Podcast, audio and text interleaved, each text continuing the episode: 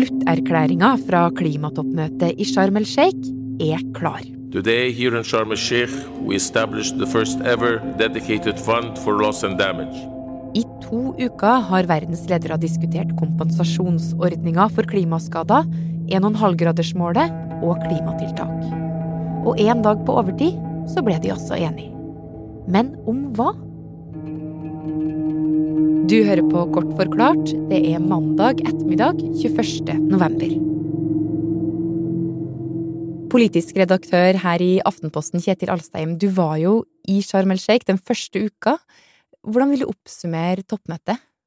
Det var litt uh, uklare forventninger, uh, vil jeg si, på forhånd. Uh, det er jo en situasjon med mye geopolitisk spenning i verden, altså krig i Europa, konflikt mellom Kina og USA, spørsmål rundt Taiwan og sånt, så det var litt sånn Hva skulle vi egentlig vente at kom ut av, av dette møtet? Det var en sånn uklarhet på forhånd.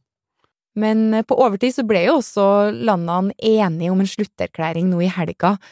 Hva var det viktigste de ble enige om.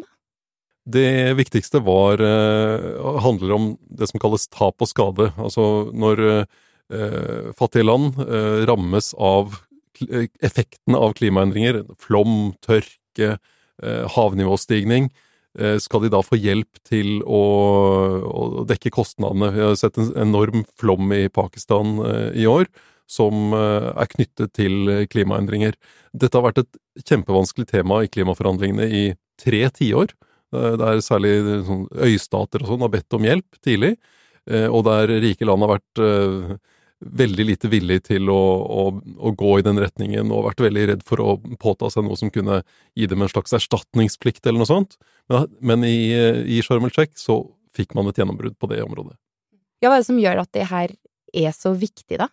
Det er jo viktig for de sårbare landene, og det står der de sårbare landene gjelder. Så har man ikke definert hva det sårbare landet er, men, eh, men det er viktig for dem.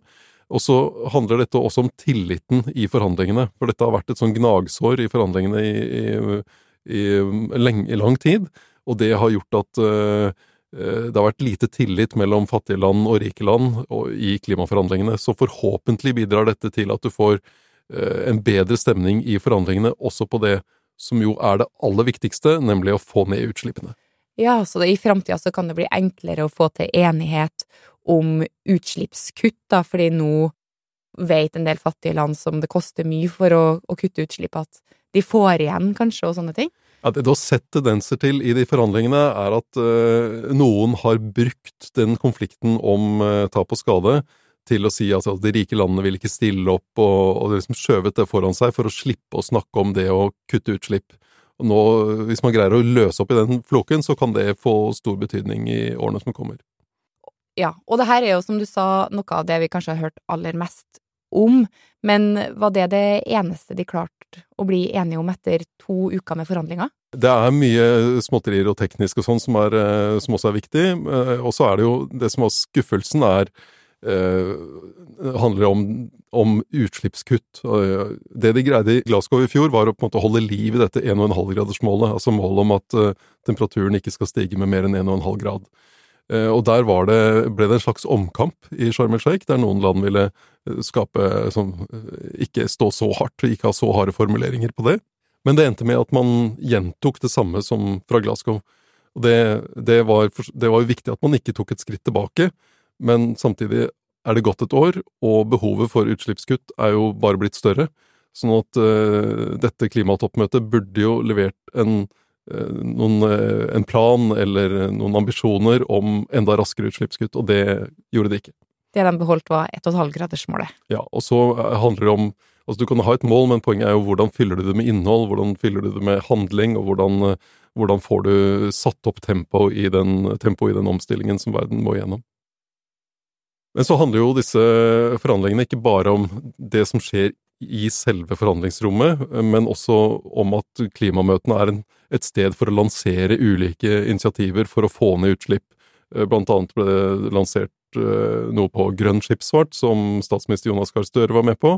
Eh, og så var det et stort samarbeidsprosjekt mellom Indonesia, der USA, Japan og noen andre land skal prøve å hjelpe Indonesia med omstillingen fra kull til fornybar.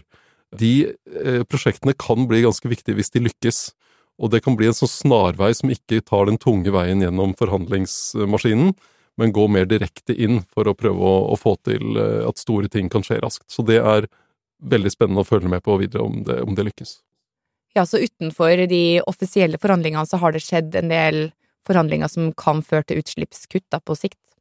Og det trengs, fordi du, altså forhandlingene er én ting, du lager en, eh, en, struktur for å kunne, som landene kan bruke for å, for å oppfylle klimamålene sine, men du trenger eh, raskere avtaler, noe som gjør at ting skjer fortere, og det kan være den type direkte avtaler mellom grupper av land. Men eh, nå har vi snakka om hva de fikk til. Hva fikk de ikke til da i løpet av det her toppmøtet? Ja, det var først og fremst det da å, å skru opp tempoet i, i uh, utslippskuttene. Du fikk ikke noe, noe, noe her som gjør at, uh, at uh, det legges nytt press på landene for å komme med, med mer ambisiøse tiltak, og det trengs. Hm. Så da er jo egentlig det store spørsmålet, denne slutterklæringa, er det nå da et stort nok bidrag til at vi klarer å redusere utslippene fremover, sånn at vi når 1,5-gradsmålet, som også det her toppmøtet er enige om at vi skal prøve?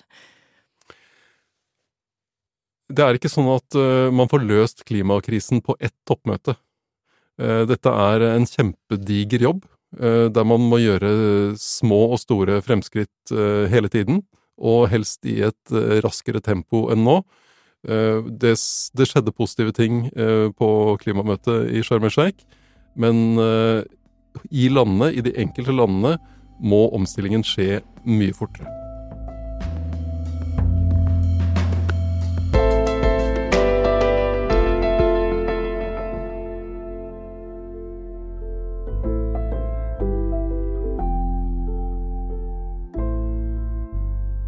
Det her var kort forklart, og ei Marit Eriksdatter Gjelland. Jenny Føland var produsent. Lyden du hørte, var fra nyhetsbyrået AP.